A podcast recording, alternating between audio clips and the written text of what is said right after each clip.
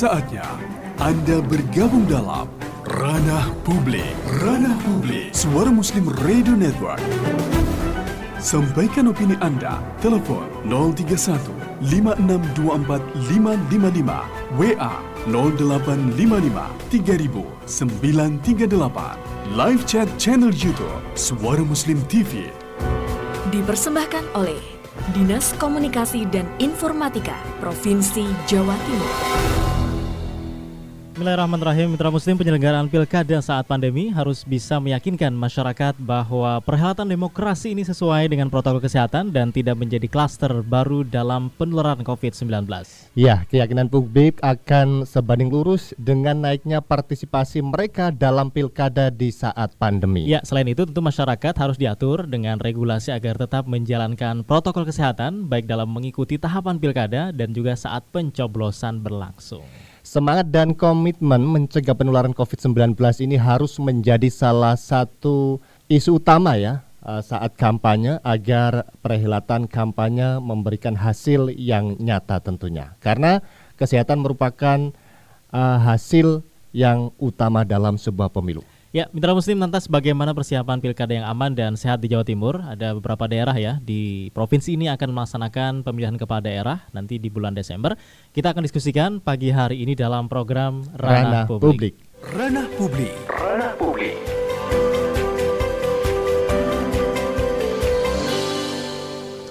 Ya, seperti di awal tadi disebutkan di uh, Bumper In ya, ini Ya. merupakan ranah publik spesial karena dipersembahkan oleh Dinas Komunikasi dan Informatika Provinsi Jawa, Jawa Timur. Timur. Dan hari ini, hari Senin, uh, sudah pertengahan bulan Mahfud ya. Iya, sudah tanggal ke-16 November Oke, Nasir ya. Artinya sisa sebentar lagi ini para Mhm. kontestan di pilkada akan dicoblos. Ya, tentunya sudah was-was ini para calon-calon yang mau bersaing nanti. Betul. Ini Mahfud kayaknya ikut di Tuban atau di Surabaya? Di Tuban. Tuban ya. Karena iya. Tuban juga melaksanakan ya, Ya. tahun ini ya. tanggal Surab- Oke, tanggal 9 Desember juga tentunya. Iya sama masa masa beda. Ya. Oke, dan mitra muslim yang saat ini menyimak Suara Muslim Radio Network di Oke. Suara Muslim Surabaya 93,8 FM, selamat bergabung. Kemudian juga yang di Suara Muslim Tuban dan Suara Muslim Lumajang serta Anda yang menyaksikan kami di live streaming YouTube Suara Muslim TV. Selamat berinteraksi nantinya, boleh berinteraksi di telepon ya. Iya, 0315244555 atau Anda bisa mengirimkan uh, pendapat Anda, opini Anda melalui WhatsApp juga di 085530938. Oke, dan boleh juga silakan bisa berkomentar langsung di live chat Suara Muslim TV pagi hari ini yang sedang live tentunya. Oke. Dan kita punya dua narasumber pagi ini Mahfud ya. Oke. Yang pertama ada Ibu Nurul Amalia, beliau selaku anggota KPU Jawa Timur. Dan narasumber yang kedua ada Ibu Nur Elia Anggraini, uh, beliau anggota Bawaslu Jawa Timur. Ya, beliau berdua sudah siap untuk kita ajak diskusi, kita sapa. Narasumber yang pertama Ibu Nurul Amalia, anggota KPU Jawa Timur. Assalamualaikum Ibu Nurul. Waalaikumsalam warahmatullahi wabarakatuh. Alhamdulillah. Kabar baik Ibu ya? Alhamdulillah. Kalau sampai sini berarti baik. Itu pasti sudah ya. Ya. Oke, kemudian ada Bu Nur Elia Anggra ini, Bu Eli, anggota Bawaslu Provinsi Jawa Timur. Bu Eli, Assalamualaikum. Waalaikumsalam warahmatullahi wabarakatuh. Masya Allah. Saya seperti flashback ya, beberapa waktu yang lalu eh, dengan dua narasumber yang insya Allah sama juga kayaknya. Sama, iya. Sama-sama uh, Ibu via Nurul. telepon ya waktu Betul. itu. Oh iya betul ya. Iya iya betul betul. Yang pertama Ibu Nurul Amalia, yang kedua Ibu Nur Elia, sama-sama Nur keduanya Iya, Mahfud ya. jangan sampai keliru kita menyebutnya ini Nasir ya. Betul. Semoga memberikan cahaya dan Amin. kalau kita bicara persiapan kita ke KPU dulu mungkin ya. Oke. Siap. Ibu eh, Nurul Amalia untuk 19 kalau tidak salah ya, Iya. eh, Prof- eh, kabupaten kota di Jawa Timur yang akan melaksanakan pilkada di eh, bulan Desember ini, itu persiapannya gimana Bu? Sudah hampir rampung atau Iya baik. Dari 19 kabupaten kota ini hari ini sudah pada tahap akhir persiapan yaitu terkait dengan logistik. Ya. Jadi sebagian besar logistik sudah mulai berdatangan baik itu APD maupun eh, kota atau bilik suara. Oke. Eh, sehingga hari ini eh, teman-teman di kabupaten kota disibukkan oleh bagaimana eh, mengamankan Hmm. eh, APD yang datang maupun logistik yang datang karena mereka harus berkejar-kejaran dengan waktu Hmm. Eh, karena di beberapa daerah memang butuh ekstra perhatian. Eh, mengingat musim hari ini eh, musim cuacanya ya sedang musim hujan dan beberapa yang mempunyai kepulauan eh, harus ada prioritas bagaimana mereka mengatur waktu hing- eh, agar logistik yang hadir di TPS nanti tidak terlambat sehingga jauh-jauh hari mereka harus memperhitungkan kapan kapal bisa ke sana, kapan logistik harus disiapkan eh, s- agar semuanya berjalan dengan lancar. Itu yang eh, sedang berjalan hari ini. Eh, selain itu juga kami KPU sedang menunggu finally eh, PKPU Tungsura yang kemarin sempat eh, jadi bahan untuk RDP rapat Ya. dengar pendapat dengan Komisi 2 yang sebagian disepakati, sebagian tidak. Salah satu yang tidak disepakati adalah terkait dengan eh, e-rekap. Oke. E-rekap tetap digunakan, ya, tetap dipakai, eh, tetapi tidak sebagai dasar se- eh, penetapan, tetapi sebagai eh, bahan publikasi. Kalau dulu ada situng, Ya. hari ini situng tidak ada, tetapi digantikan oleh e-rekap. Sebenarnya KPU se- berharap kemarin e-rekap itu bisa memangkas waktu ya, Betul. karena dengan e-rekap itu eh, lebih cepat diketahui hasilnya, kemudian eh, paperless juga, jadi teman-teman lebih cepat eh, apa kesalahan penulisan itu bisa diminimalisir karena memang sumbernya dari satu. Kalau menulis dengan manual itu kemungkinan akan salah tulis itu masih dimungkinkan. Tetapi hasil RDP kemarin eh, ada beberapa hal yang perlu dilakukan perbaikan terkait e-rekap sehingga disepakati untuk sementara ini dipakai sebagai bahan publikasi dulu, Hmm. bukan sebagai bahan untuk penetapan, sehingga masih kembali kepada manual eh, hasil yang akan didapatkan seperti pilkada-pilkada yang lalu. Ya, jadi di ini artinya tidak membuang-buang anggaran bu. Maksudnya kan tidak digunakan untuk sebagai uh, hasil hitung akhir, tapi masih tetap dipakai. Eh, kalau membuang anggaran tidak ya, karena memang situng sudah tidak ada digantikan oleh e-rekap. Oke. Jadi kenapa sih kok ada e-rekap? E-rekap itu adalah bahan eh, sarana transparansi KPU terhadap eh, proses-proses pemilihan yang sedang dilakukan. Kalau Hmm. kita lihat, coba searching pemilunya apa namanya Amerika kemarin. Ya. Coba cari perolehan hasil per TPS ada tidak? Pasti tidak ketemu. Hmm, hmm. Tetapi kalau di Indonesia, kita kemarin ada situng, kita bisa ngelacak hasil itu mulai dari TPS melalui situng.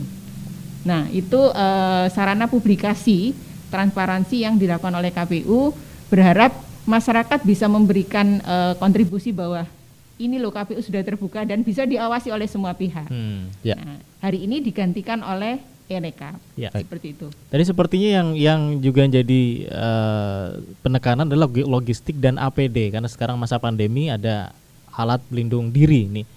Iya. Ini untuk petugas. Kemudian untuk yang masyarakat yang datangnya bentuk perlindungannya seperti apa nanti Bu di TPS itu? Iya. Jadi eh, kalau di KPU mengenal ada yang menyebutkan 12 hal baru, ada yang menyebutkan 15 hal baru. Hmm. Ya, tapi eh, sama-sama hal baru itu. Hal baru pertama adalah 15 eh, ada eh, jumlah pemilih. Pemilih di setiap TPS dikurangi dari 800 menjadi 500. Oke. Harapannya physical distancing bisa dilaksanakan di sana. Berarti TPS-nya tambah banyak Ibu ya? Betul. Oke. Eh, konsekuensinya eh, pemerintah harus menyediakan tambahan TPS ini eh, anggaran untuk tambahan TPS. Nah, konsekuensinya kemarin begitu disepakati di dalam eh, proses RDP beberapa waktu yang lalu. Kemudian selain ada eh, apa namanya tadi jumlah TP, eh, jumlah pemilih per TPS dibatasi. Kemudian nanti kehadiran ke TPS juga diatur. Hmm. Kalau dulu eh, C6 itu C eh, pemberitahuan tidak ada jam kapan harus datang ke TPS. Hari ini diatur. Oke. Jadi jam berapa jam berapanya diatur di sana. Itu yang kedua. Yang ketiga semua wajib pakai masker. Hmm, oke. Manakala ada yang tidak memakai masker atau lupa bawa masker ke TPS, maka di TPS disediakan. Meskipun jumlah yang disediakan di TPS tidak sejumlah pemilih. Hmm, hmm. Karena asumsinya semua yang datang ke TPS itu sudah menggunakan pakai, masker. ya. Ya. Mungkin bisa jadi di, sepak, eh, dipakai sebagai pengganti barangkali ada yang pakai masker yang ada gambarnya partai atau Iya betul. paslon. Nah, itu kan harus harus dilepas ya, tidak boleh pakai Ya, masker itu. tim salah satu- kampanye ya. Nah, Tidak boleh Bu ya tidak menggunakan boleh. itu. Tidak boleh. Oke. Itu. Ya, ya. Kemudian selain pakai masker ke TPS, nanti di TPS akan diberikan sarung tangan plastik. Hmm. Jadi setiap pemilih Mm-mm. kalau st- eh, masuk ke TPS sebelum menggunakan hak pilihnya akan menggunakan sarung tangan itu, Hmm. Ya. sarung tangan plastik. Nah, sebelum masuk TPS juga harus melakukan cuci tangan pakai hand- eh, sabun, Hmm. kemudian eh, dengan air mengalir. Nah, itu prosedur yang eh, harus dilakukan oleh pemilih. Selain itu, sebelum masuk lagi harus dicek suhu tubuhnya. Oke. Nah, manakala nanti ada pemilih yang ternyata suhu tubuhnya melebihi dari 37,3, maka akan disediakan bilik khusus. Hmm. Jadi mereka yang suhu tubuhnya eh, melebihi dari 37,3 atau 37,3 eh, tidak boleh masuk ke aloka- lokasi TPS. Jadi ada TPS tersendiri, eh, bilik tersendiri yang digunakan untuk pemilih eh, melaksanakan hak pilihnya. Biliknya ini berarti uh, berbe uh, setiap setiap TPS Setiap harus ada TPS. bilik ini berarti Betul, menyediakan bilik betul, ini ya. Betul, menyediakan bilik ini. Oke, jadi tidak disuruh pulang, cuman ada tempat tersendiri. Iya, betul. Oke. Kemudian eh, sarung tangan sudah, bilik sudah. Nah, nanti akan dilakukan sterilisasi secara berkala di TPS. Jadi sebelum dilaksanakan sterilisasi. Hmm. Nanti di tengah-tengah perjalanan atau di tengah eh, pelaksanaan akan di break sebentar untuk disterilisasi lagi Hmm. Lokasi TPS-nya. Kemudian juga nanti akan eh, apa namanya alat coblosnya akan disterilisasi secara berkala juga. Jadi banyak hal ya ini ya. Jadi nggak diganti lah coblosnya Ibu, tapi di steril. disterilisasi. Kan toh dia eh, pemilih juga menggunakan Sarung sarung, tangan, tangan, oke. ya salah satunya itu. Kemudian di dalam eh, kalau datang ke TPS diharapkan nanti bawa alat tulis tersendiri. Kalau bisa diharapkan bawa alat tulis sendiri karena nanti dipakai untuk absen ya. Eh, daftar hadir, mengisi daftar hadir. Kemudian juga di setiap TPS disediakan hazmat, baju hazmat. Mm-mm. Nah, baju hazmat ini dalam rangka mengantisipasi manakala ada sesuatu yang barangkali semoga tidak terjadi. Ya. Jadi ha- baju hazmatnya bisa disumbangkan lagi nanti. Karena kan eh, ste- skenario-nya begini, kenapa kok disediakan baju hazmat barangkali tiba-tiba ada yang pingsan atau apa gitu kan, petugas harus eh, mem- Membantu. membantu. Nah, ke- sebelum membantu mereka harus pakai baju hazmat Oke. seperti itu. Eh, setelah itu sudah berapa tadi nih ya? Lupa ini. Satu, dua, tiga. Sebelas, dua belas ya? 12. Nah, Oke. sudah 12. Kemudian setelah baju hazmat eh, di TPS juga disediakan hand sanitizer. Mm-mm. Kemudian eh Oh tinta betul terakhir diingatkan Tintanya? sama Mbak Eli. Tintanya tidak lagi dicelup, tetapi Oke. ditetes. Oh di tet- ditetes. Jadi nanti Hmm. setelah nyoblos disediakan tempat sampah. Jadi Ya. kalau dulu di TPS tidak ada tempat sampah, sekarang disediakan tempat sampah. Hmm. Tempat sampah itu untuk membuang sarung tangan yang habis dipakai. Ya. Kemudian mereka tangannya dikeluarkan eh, jari salah satu jarinya dikeluarkan untuk eh, ditetesi tinta. Berarti yang eh, ini petugas yang ngasih neteskan, Betul, betul. bukan mereka Petugas- ya? Petugas yang menjaga kotak suara. Oh jadi ada tambahan sekarang tugasnya enggak, ya? petugasnya tetap kan petugas tetap eh, Maksudnya tambah- tetap tujuh. tambahan tugas Oh maksudnya. iya, tambahan tugas betul, tapi petugasnya tetap tujuh. Tugasnya tetap tujuh, tapi dia tambahan sekarang Betul. ngasih tetesan tinta. Tinta, Betul. oke, Kalau dulunya cuman eh, mengarahkan Mengarahkan. pemilih di sini me- memasukkan kotak apa surat suaranya hari ini yang Ya. menjaga kotak tugasnya juga ditambah eh, ditambah itu tadi Oke. meneteskan tinta di jari pemilih. Mm, Itu. Nah, yang paling penting lagi ya.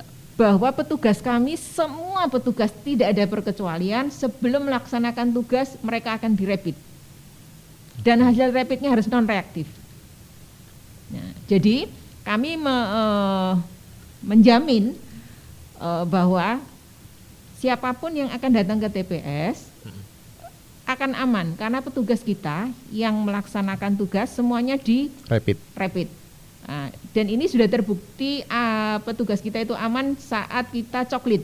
Coklit kemarin kita menurunkan ribuan orang untuk datang dari rumah ke rumah, door to door, Ya. eh, mendata pemilih. Hmm.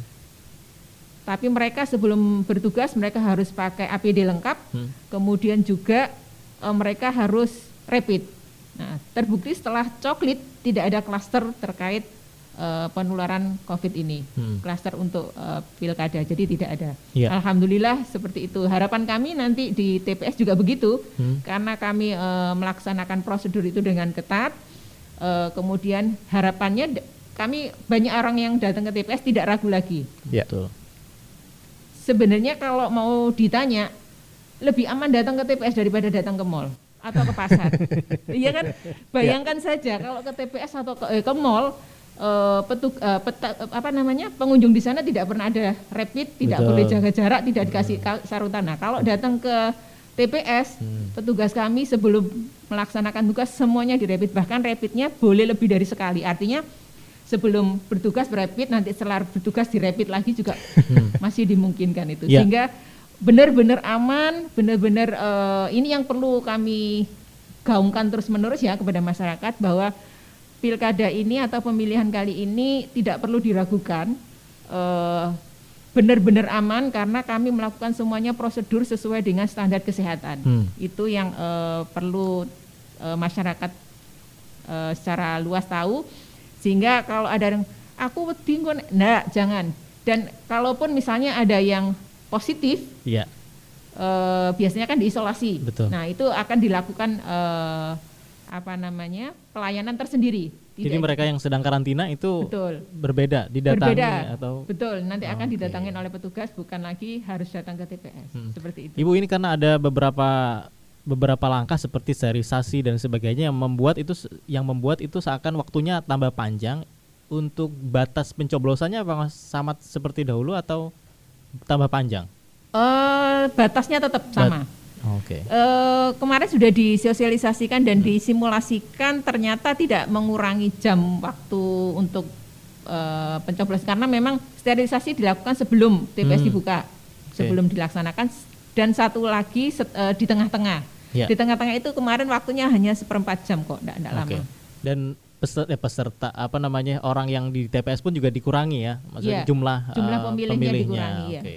Ya, karena meskipun tadi bukan sterilisasi seperti kita harus eh, cuci tangan, harus eh, pakai mask, eh, apa Ya. namanya pakai sarung dan sebagainya itu kan proses juga perlu beberapa detik. Ya, kali aja berapa Iya. orang kan lumayan. Iya, sebenarnya hmm, kemarin simulasi sih beberapa waktu eh, terkait dengan tergantung ini ya. Jadi Iya. begini, sias itu bisa disiasati dengan jumlah bilik yang ada di TPS. Hmm. Nah, kemudian juga eh, masyarakat bagaimana dia tertib. Ini yang yang harapan kami masyarakat tertib eh, datang ke TPS-nya sesuai dengan jadwal Iya. yang menjadi problem mana- manakala nanti masyarakat tidak tertib ini. Ya. Ini yang eh, PR, PR bagi kita Hmm, bahwa masyarakat ini diharapkan tertib sehingga apa yang sudah dirancang oleh KPU bisa berjalan dengan baik. Hmm, hmm, hmm. Oke. Jadi Mahfud harus tetap Ya. datangin nanti ya. Insya Allah datang harus datang lah karena ini merupakan momen yang harus kita manfaatkan ya Oke. karena uh, ketika kita memilih pemimpin yang tepat Insya Allah penanganan COVID juga tepat nanti ya. Amin, ya Rabbal Alamin. Terima kasih Bu Nurul. Pak Samsul Siti Masliha, terima kasih berkomentar di live chat YouTube Suara Muslim TV yang eh, ber eh, menulis ya atau ngetik Pil Wali Kota Surabaya semoga sukses dan masyarakatnya terhindar eh, dari COVID-19. Selanjutnya Ini- juga ada Ibu Dika mengucapkan amin katanya dan ada Ibu Mei ya di Hmm. Gersik. Beliau mendoakan semoga pilkada bisa berjalan lancar dan hasilnya memuaskan masyarakat. Amin. Ya, terima Memua- kasih ya. Betul, Bu memuaskan tentu memuaskan yang menang Mm-mm. ya. Karena tentu yang kalah nggak Oke. puas. Oke, Bu Mei terima kasih. Ya. Dan Gresik eh, Gresik juga anu ya melaksanakan pilkada betul ya untuk eh, tahun ini. Dan ada 19. Ka- Tadi kita bersama KPU Provinsi Jawa Timur Mitra Musim Bu Nur Amalia dan Mhm. berikutnya ada Bu Nur Elia Anggra ini dari Bawaslu Provinsi Jawa Timur. Baik, Bu Nur Eli Anggraini. Ya, Ya, eh, selama ini eh, sudah dari 19 kabupaten atau kota yang akan melaksanakan pilkada serentak 2020 ini, apakah sudah ada laporan eh, mana apa Pelanggaran. wilayah yang sudah melanggar atau Eh, sudah ditangani oleh Bawaslu ya? Paslonnya maksudnya. Ya, Ya. paslon yang melanggar Hmm. atau ya banyak terkait ya. kampanye. Banyak ya laporan la- Banyak. Mm. Eh, ada ratusan, tapi yang pertama saya ingin mengucapkan terima kasih nih kepada Suara Muslim Ya. Kita akhirnya terpisah oleh jarak dan Jarak, ruang ini betul. Mas Nasir dan Mas Mahfud. Iya. Biasanya saya, saya di ruangan itu kalau Betul. misalnya di sini, uh, tapi Hmm. ini situasinya pil- uh, pandemi, Iya. akhirnya kita harus memang berjauh-jauhan. Hmm. Terima kasih, tapi ini adalah wujud komitmen suara Muslim Amin. juga untuk ikut uh, patuh pada protokol kesehatan dan ini Hmm. mudah-mudahan bisa uh, juga menular kepada siapa pun Hmm. begitu ya karena Ya. pilkada ini kan tidak hanya milik penyelenggara pilkada ini milik rakyat begitu ya tadi Mbak Nurul ini sudah menyampaikan sedemikian rupa dan sedemikian detail bagaimana pengaturan uh, di TPS pada saat hari H nanti dan bagaimana juga hari ini di Bawaslu Provinsi Jawa Timur ada rapid test. Ya rapid test ini sudah yang kesekian kali kita lakukan. Kalau saya jangan ditanya berapa kali rapid test karena biasanya kalau keluar kota saya lebih suka naik kereta api ya ini tidak promosi ya mas Iya, ya Jadi harus rapid lagi. Ah, ah, harus rapid lagi. Kemarin juga acara dengan DKPP, ini hari ini rapid, besok juga rapid lagi begitu ya. Jadi iya, iya. ah, kita ini sudah berkali-kali rapid dan alhamdulillah hasilnya non reaktif. Kalaupun ada yang reaktif, hasilnya itu langsung kami swab. Hmm. Jadi protokolnya sebetulnya sama kalau di penyelenggara pemilu dan kami menyiapkan baik secara teknis di KPU maupun teknis pengawasan kami di Bawaslu itu kami juga menyedi- eh, menyiapkan sedemikian rupa supaya apa yang kami lakukan ini betul-betul memberikan rasa nyaman dan aman kepada masyarakat. Eh, Mbak Nurul tadi sudah, kami pun juga seperti itu. Sehingga kami pastikan siapa pun yang bertugas di lapangan ini sudah hasilnya non reaktif gitu ya. Karena kalau sudah reaktif itu udah nggak boleh mas, harus harus isolasi Harus kan ya. karantina, harus ya. isolasi. Hmm. Eh, kemarin ada jajaran kami yang reaktif, akhirnya di swab. Hasil swabnya itu sebetulnya sudah negatif, tetapi yang bersangkutan tetap kita minta di rumah dulu deh, gitu ya. Padahal swabnya itu sudah negatif. Ini untuk untuk eh, jaga-jaga sebetulnya. Kita tidak ingin me- bukannya tidak ingin tidak percaya begitu, tapi kadang-kadang kan ada yang false negatif, ada false positif begitu ya terhadap hasil swab. Ya sudah isolasi mandiri dulu selama 14 hari. Nah, berkaitan dengan protokol kesehatan, ini juga sesungguhnya harus dipertontonkan oleh para peserta pilkada. Dalam hal ini paslon, tim kampanye maupun siapa pun yang terlibat di situ termasuk relawannya. Sampai saat ini eh, pengawas pilkada di Jawa Timur 19 kabupaten kota yang sudah melakukan pengawasan ini 100 lebih Mas. Ya, 100 lebih kegiatan kampanye yang akhirnya harus dikeluarkan semacam surat tilang. Ya. Surat tilang dong. Didenda ya. Eh, bukan, jadi kami mengistilahkan surat tilang, surat peringatan, Oke. ya, surat peringatan. Tetapi kan surat peringatan itu diberikan di tempat. Hmm. Jadi semacam surat tilang. Iya. surat tilang terhadap pelanggaran protokol kesehatan kegiatan kampanye yang dilakukan oleh paslon. Ini sudah terjadi hampir di semua kabupaten kota. Hmm. Ada yang eh, langsung patuh begitu ya. Hmm. Begitu surat tilang dikeluarkan, mereka langsung melaksanakan kampanye itu sesuai dengan protokol kesehatan. Ada yang sampai akhirnya mohon maaf harus dibubarkan. Oh. Karena aturannya setelah surat tilang itu dikeluarkan satu jam kemudian, Hmm. kalau kemudian kampanye ini masih tidak taat protokol kesehatan, maka kami pengawas pemilu berkoordinasi dengan eh, Satgas Covid dan aparat kepolisian untuk membubarkan arena kampanye itu. Ini sudah ada beberapa juga yang dibubarkan seperti di Gersik dan Malang yang pada akhirnya harus kita bubarkan. Kalau yang lain eh, selesai sampai di surat tilang itu, Mas dan Patuh ya maksudnya. patuh eh, setelah diberi peringatan tertulis, kemudian patuh protokol kesehatan. Misalnya Ya. yang paling banyak dilanggarnya soal jumlah, Hmm. ya soal Oke. jumlah karena di PKPU ini jelas menyebutkan bahwa jumlah kampanye dalam pertemuan tatap muka ataupun pertemuan terbatas itu maksimal 50 orang. Wah dikit banget. 50 orang. Dan itu pun harus eh, protokol kesehatan, Iya. jaga jarak. Kalau kapasitas misalnya dilaksanakan di gedung tertutup, Iya. tapi kapasitasnya hanya untuk cukup 25 orang, ya maksimalnya 25 orang itu. 50 orang ini juga menyesuaikan dengan eh, kapasitas gedung. Kalaupun kapasitas gedungnya bisa memuat sampai 100 orang dengan jaga jarak 1 meter minimal, tapi tetap nggak boleh mas. Jadi maksimalnya hanya 50. Yang banyak dilanggar ini soal Jumlah, jumlah, itu ya lebih eh, pesertanya melebihi 50 orang. 50 dalam gedung apa boleh di luar Di, luar, gedung pun juga tetap 50 orang. Aturannya udah saklek begitu. Kita kan ngintili yang Iya, diatur oleh ke KPU ya. Ya. kita ngintili yang diatur oleh KPU. Jadi eh, seperti itu ada ada juga yang tidak pakai masker. Nah, ini juga fenomena di masyarakat kita ya. Tidak hanya di pilkada, tapi juga masyarakat kita kita lihat wajah-wajah masyarakat kita yang ke sana ke sini ke mall nggak pakai masker, santai-santai aja itu. Begitu, Mas Nasir. Baik. Jadi pelanggaran kalau misalnya pelanggaran yang tidak berhubungan dengan eh, eh, protokol kesehatan misalnya tentang di Surabaya ini kan kita dengar ada beberapa yang laporan ke ke Bawaslu kota mungkin ya tentang eh, paslon tertentu yang dianggap ada melanggar ini itu dan sebagainya tapi tidak berhubungan dengan protokol kesehatan itu Oke. sudah ada tindakan juga nggak? Oh sudah ada tindakan juga. Ada beberapa yang eh, terkait dengan misalnya soal berkaitan dengan tata cara dan prosedur begitu ya. Ini kan pelanggaran administratif. Kalau sudah administratif eh, itu biasanya kita rekomendasi sifatnya karena beda perlakuan penanganan pelanggaran pemilu dan pilkada. Kalau pelanggaran administrasi di pemilu itu melalui mekanisme sidang, Mas. Tapi kalau di pilkada enggak ya. Jadi sifatnya rekomendasi. Kep- kepada siapa? Ya kepada pihak-pihak yang eh, di situ harus memberikan sanksi misalnya pelanggaran yang dilakukan oleh ASN. Jadi kami proses dan kami rekomendasikan itu ke KASN atau Komisi ASN.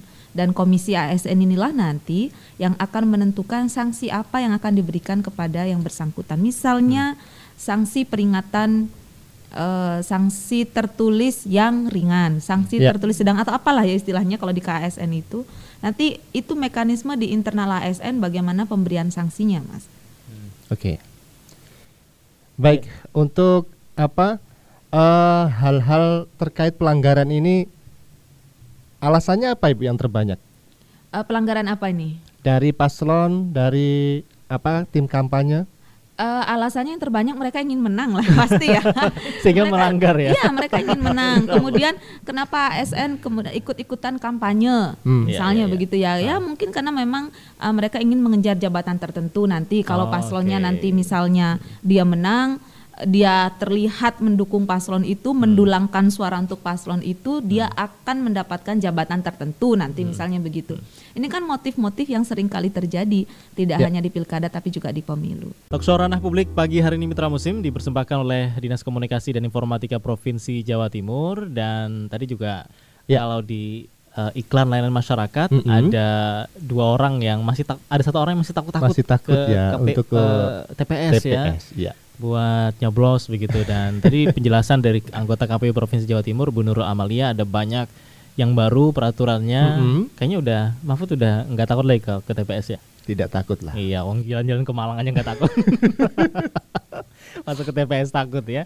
Oke, ke mall ataupun juga ke pasar Ya. kata Ibu Nurul tadi lebih berbahaya ya. Apalagi ke TPS ya dekat dan tentunya sudah diamankan ya. Betul, sudah tahu orang-orangnya gitu ya. Oke, dan Mitra Musim terima kasih untuk Anda yang sudah mengapresiasi, like, Jangan lupa di-share juga ya untuk siaran YouTube Suara Muslim TV pagi hari ini. Kemudian komentar Anda juga kami tunggu atau di line tel- eh, telepon juga boleh ya atau SMS dan WhatsApp di 08 55 3938. Ada Ibu Miati nih. Ya, Mahfud, Bu Miati dari Surabaya ini menanyakan ke ya. menanyakan kurang jelas ini. Oh, ke- nggak kelihatan ya? Iya. Kejauhan kayaknya. Oke, eh, Ibu Nurul katanya kalau belum ada yang didata sampai Oke. sekarang itu bagaimana? Karena bulan yang lalu ada yang didata, ada yang belum. Lalu nanti kalau pas nyoblos biasanya dulu ada tiga kotak katanya. Nah nanti Oh. apakah seperti itu? Apakah cuma satu? Mungkin dikurangi tempat nyoblosnya. Dan sarung tangannya apakah langsung dikasih di tempat? Ibu Miati, terima kasih sudah bergabung Ibu. Silahkan Bu Nurul. Iya, baik. Eh, untuk Bumiati, kalau belum terdaftar, jadi pemilih sebenarnya waktu pendaftaran sudah usai ya. Jadi Iya. coklit sudah selesai, daftar pemilih tetap sudah diumumkan. Nah, untuk memastikan apakah namanya terdaftar dalam DPT atau tidak, bisa dicek melalui situs eh, lindungi hak pilihmu.kpu.go.id. Sebentar, lindungi hak pilihmu Nah, .kpu. .kpu.go.id. Oke. Nah, coba dicek di sana, cari nama, masukkan nama sama nik saja. Nanti akan ketemu terdaftar di TPS mana. Nah, apabila ternyata dicek di sana belum terdaftar, seperti biasanya masih tetap bisa menggunakan hak pilihnya, tetapi eh, dibatasi waktu saja. Jadi mereka bisa menggunakan satu jam terakhir. Hmm. Kenapa sih yang tidak terdaftar dalam DPT kok dikasih waktu cuma satu jam terakhir? Ah, mungkin ada pertanyaan begitu ya. Iya. Nah, maka masyarakat perlu tahu bahwa jumlah surat suara yang tersedia di TPS itu disediakan sesuai dengan jumlah DPT. Ya, Jadi daftar nama di DPT itu ada 100 misalnya begitu, maka yang tersedia di TPS hanya 100 plus dua setengah persen. Ya, jadi kalau dua setengah persennya dari 100 berarti tiga, berarti hanya ada 103 surat suara di situ. Jadi yang tambahan cuma tiga. Tiga, ya? eh, dua setengah persennya dari 100 kan tiga Oke, berarti ya. Nah, eh, it- surat suara yang tersedia itu semuanya untuk nama-nama yang terdaftar dalam DPT itu. Mm-mm. Nah, bagaimana dengan orang yang tidak ter- terdaftar dalam DPT, tetapi kok masih tetap bisa menggunakan surat suara? Iya, mereka tetap bisa menggunakan hak suaranya apabila surat suara di TPS itu tersisa. Jadi mereka menggunakan surat suara sisa. Hmm. Ya. Jadi surat suara yang tidak digunakan oleh pemilih yang terdaftar dalam DPT maka digunakan oleh pemilih yang eh, menggunakan KTP atau DPTB bahasanya sekarang ya, pemilih tambahan itu. Nah, jadi jangan khawatir masyarakat meskipun tidak terdaftar dalam DPT tetap saja bisa menggunakan hak pilihnya, menggunakan KTP di satu jam terakhir dan tidak bisa eh, di segala tempat, tapi harus di tempat di mana dia beralamat.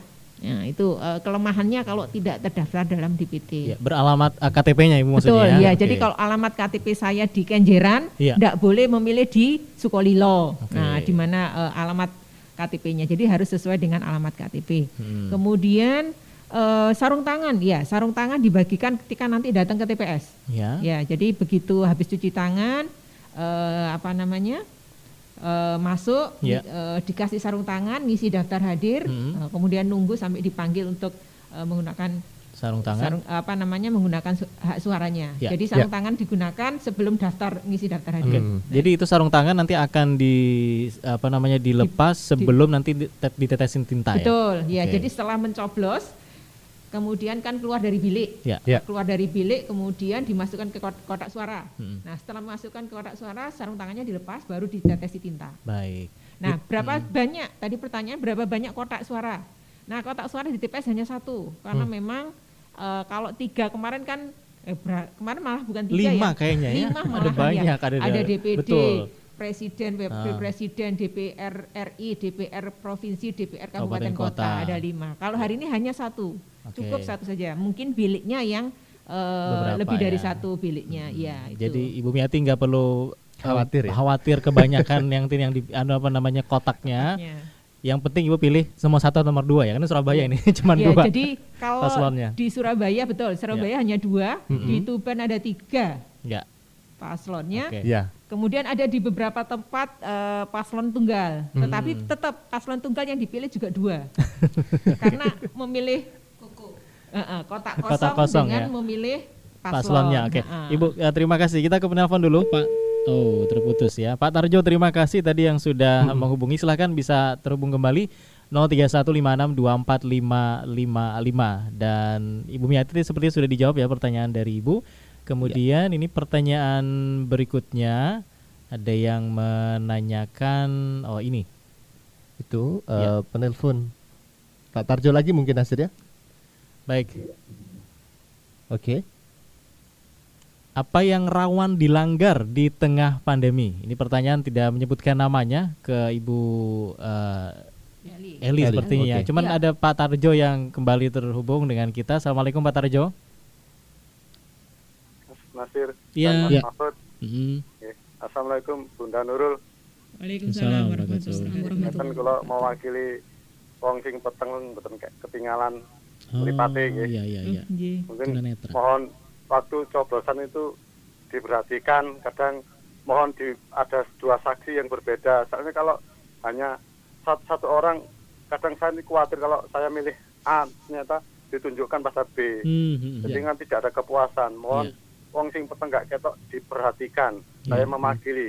Soalnya ini kan betul-betul hati nurani pilihan dari kebanggaan arek Surabaya. Iya. Iya. Iya. Ngoten Ya. mawon Mas. Mahfud dan Nasir. Baik, Terima Pak Tarjo. Assalamualaikum warahmatullahi. Waalaikumsalam warahmatullahi wabarakatuh. Ya, Bu Iya. Nurul. Eh, jadi untuk eh, yang eh, teman-teman disabilitas sebenarnya kalau tunanetra eh, ada template Hmm. Iya, nanti template. Jadi tidak harus dicobloskan. Hmm. Karena template bisa melakukan mandiri. Kecuali orang yang disabilitas tunadaksa mungkin ya yang harus dilakukan pencoblosan eh, dibantu gitu ya. Ya. Tapi kalau untuk eh, Tunanetra. tunanetra di setiap TPS disediakan template. Template itu eh, modelnya persis dengan surat suara tetapi mod, eh, ada huruf braille-nya juga Oke. bisa diraba bagi yang bisa membaca braille tetapi angka 1 2 3 tetap angka. Oh. Barangkali khawatirnya juga eh, apa namanya?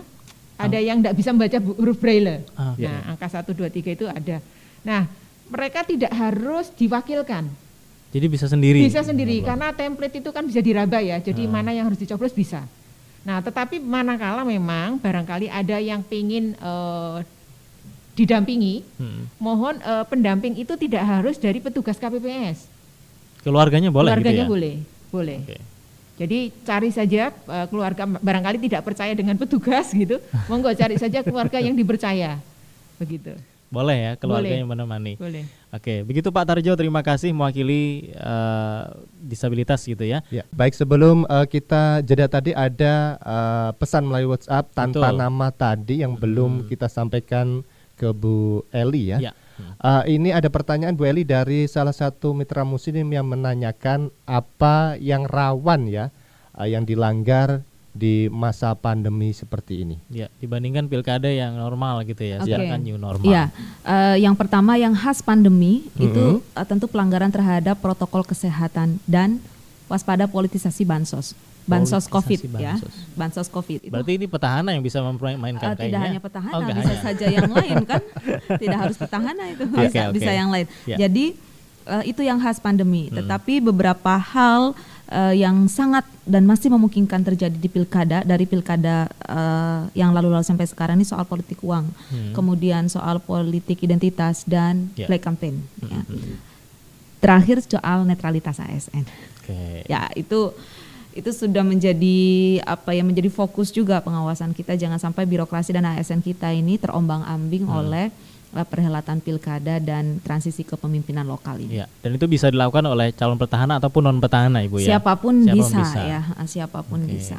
Baik, itu kemudian terima kasih Bu Nia di Darmo Kali yang menyampaikan eh, siap menyimak ranah publik dari Darmo Kali. Ibu Nia, terima kasih tetangga kita ya. Sebelah ya. Sebelah dan sepertinya ini waktunya juga sudah eh, di ujung kebersamaan Mahfud ya dan em, Ibu Ibu Nurul sepertinya ya karena se- saya yakin sebagian dari pendengar mungkin sudah ada yang eh, yakin gitu ya akan datang ke TPS untuk eh, nyoblos dengan aman dan sehat gitu. Tapi sebagian mungkin masih ada yang eh, khawatir, fobia, apa mungkin eh, berlebihan khawatirnya gitu ya. Mohon diyakinkan lagi Bu agar nanti bisa ikut menggunakan hak pilihnya di 9 Desember. Ya, eh, para pendengar semuanya, eh, pilkada hari ini sudah dirancang sedemikian rupa untuk eh, dijamin keamanan eh, keamanan penyebaran ter- eh, terhadap penyebaran COVID-19 sehingga tidak perlu lagi diragukan. Jadi selama mematuhi protokol kesehatan di mana pun berada, tidak hanya di rumah, tidak hanya di tempat keramaian, di mana pun berada, selalu cuci tangan, menggunakan sarung, eh, menggunakan masker, eh, jaga jarak itu adalah hal yang wajib ditaati, baik di mana eh, di rumah maupun di eh, tempat keramaian, terutama di TPS juga. Jadi semua petugas kita dijamin sudah di screening, Ya. aman, Hmm. tidak eh, membawa dampak terkait COVID, kemudian eh, tata caranya diatur sedemikian rupa, jadi eh, sesuai dengan protokol kesehatan dan eh, ini dirancang juga hasil diskusi dengan banyak pihak, termasuk dengan dinas kesehatan dan eh, gugus tugas. Hmm. Ya. Jadi jangan khawatir, kami menjamin apa yang kami lakukan di TPS adalah hal yang terbaik untuk eh, pemilihan kali ini. Jadi tidak perlu ragu, datang saja ke TPS karena eh, pemilihan kali ini pemilihan yang sangat bersejarah. Belum tentu nanti di tahun-tahun berikutnya ada model begini. Iya. Nah, mudah-mudahan Jangan sampai ada lagi. Jangan ada lagi. Semo- Semoga dengan pengalaman ini teman eh, banyak yang ingin datang ke TPS karena Oke. TPS sudah dijamin misalnya kalau eh, sertifikasinya Ya. tersertifikasi dengan baik bahwa ini dijamin eh, lulus sertifikat eh, protokol kesehatan Amin. seperti itu. Ya, dan itu kayaknya jadi spot selfie uh, bagus juga ya. Ketika mau nyoblos tapi di TPS yang dengan standar protokol kesehatan yang luar biasa. Baik, yang terakhir Bu Eli mungkin ada pesan yang mau disampaikan Oke. untuk paslon, tim Iya. ses dan masyarakat. Ya, saya ingin mengajak kepada siapa pun stakeholder pilkada, ini kepada penyelenggara, kepada pemerintah, kepada paslon, tim sukses, kepada masyarakat, kepada media massa dan siapa pun itu untuk kita memberikan contoh, terus mempromosikan dan mempertontonkan kepatuhan kita terhadap protokol kesehatan. Apabila ada pelanggaran-pelanggaran yang dilakukan oleh siapa pun, monggo panjenengan semuanya bisa melaporkan ke pengawas kami. Ya. Hari ini pengawas TPS sudah dilantik dan kita sudah punya pengawas sampai ke tingkat TPS. Jadi mereka bisa menerima laporan panjenengan semuanya. Terima kasih. Oke, terima kasih Bu Eli, Bu Nurul sudah hadir di studio. Semoga sehat selalu dan lancar, aman, sehat pilkada kita di 2020 ini. Assalamualaikum. Waalaikumsalam warahmatullahi wabarakatuh. Dan terima kasih juga Mitra Musim untuk Anda yang saat ini bersama kami. Kemudian juga tentu untuk uh, Dinas Komunikasi dan Informatika yang sudah mempersembahkan program di pagi hari ini agar semakin banyak publik yang tercerahkan bahwasanya uh, insya Allah begitu ya dengan protokol yang dilaksanakan kita pun juga akan aman saat melaksanakan pilkada atau mencoblos nanti itu. Yang penting adalah jangan sampai berbuat curang ya. Oke, dan sekian Mitra Siar petugas pagi hari ini produser eksekutif Raga Satria, gatekeeper Elsa Harunisa. Uh, videografer Edi Haryanto, saya Muhammad Nasir. Dan saya Mahfud Manaf pamit undur diri. Terima kasih Anda telah mendengarkan dan menyimak ya melalui YouTube kami Suara Muslim TV. Akhirnya saya Mahfud Manaf yang bertugas pamit undur diri. Subhanakallahumma wa bihamdika nasyhadu alla ilaha illa anta nastaghfiruka wa atubu ilaik. Maha suci Engkau ya Allah dan segala puji bagimu. Kami bersaksi tiada Tuhan yang berhak diibadahi selain Engkau. Kami mohon ampun dan bertaubat kepadamu. Wassalamualaikum warahmatullahi wabarakatuh.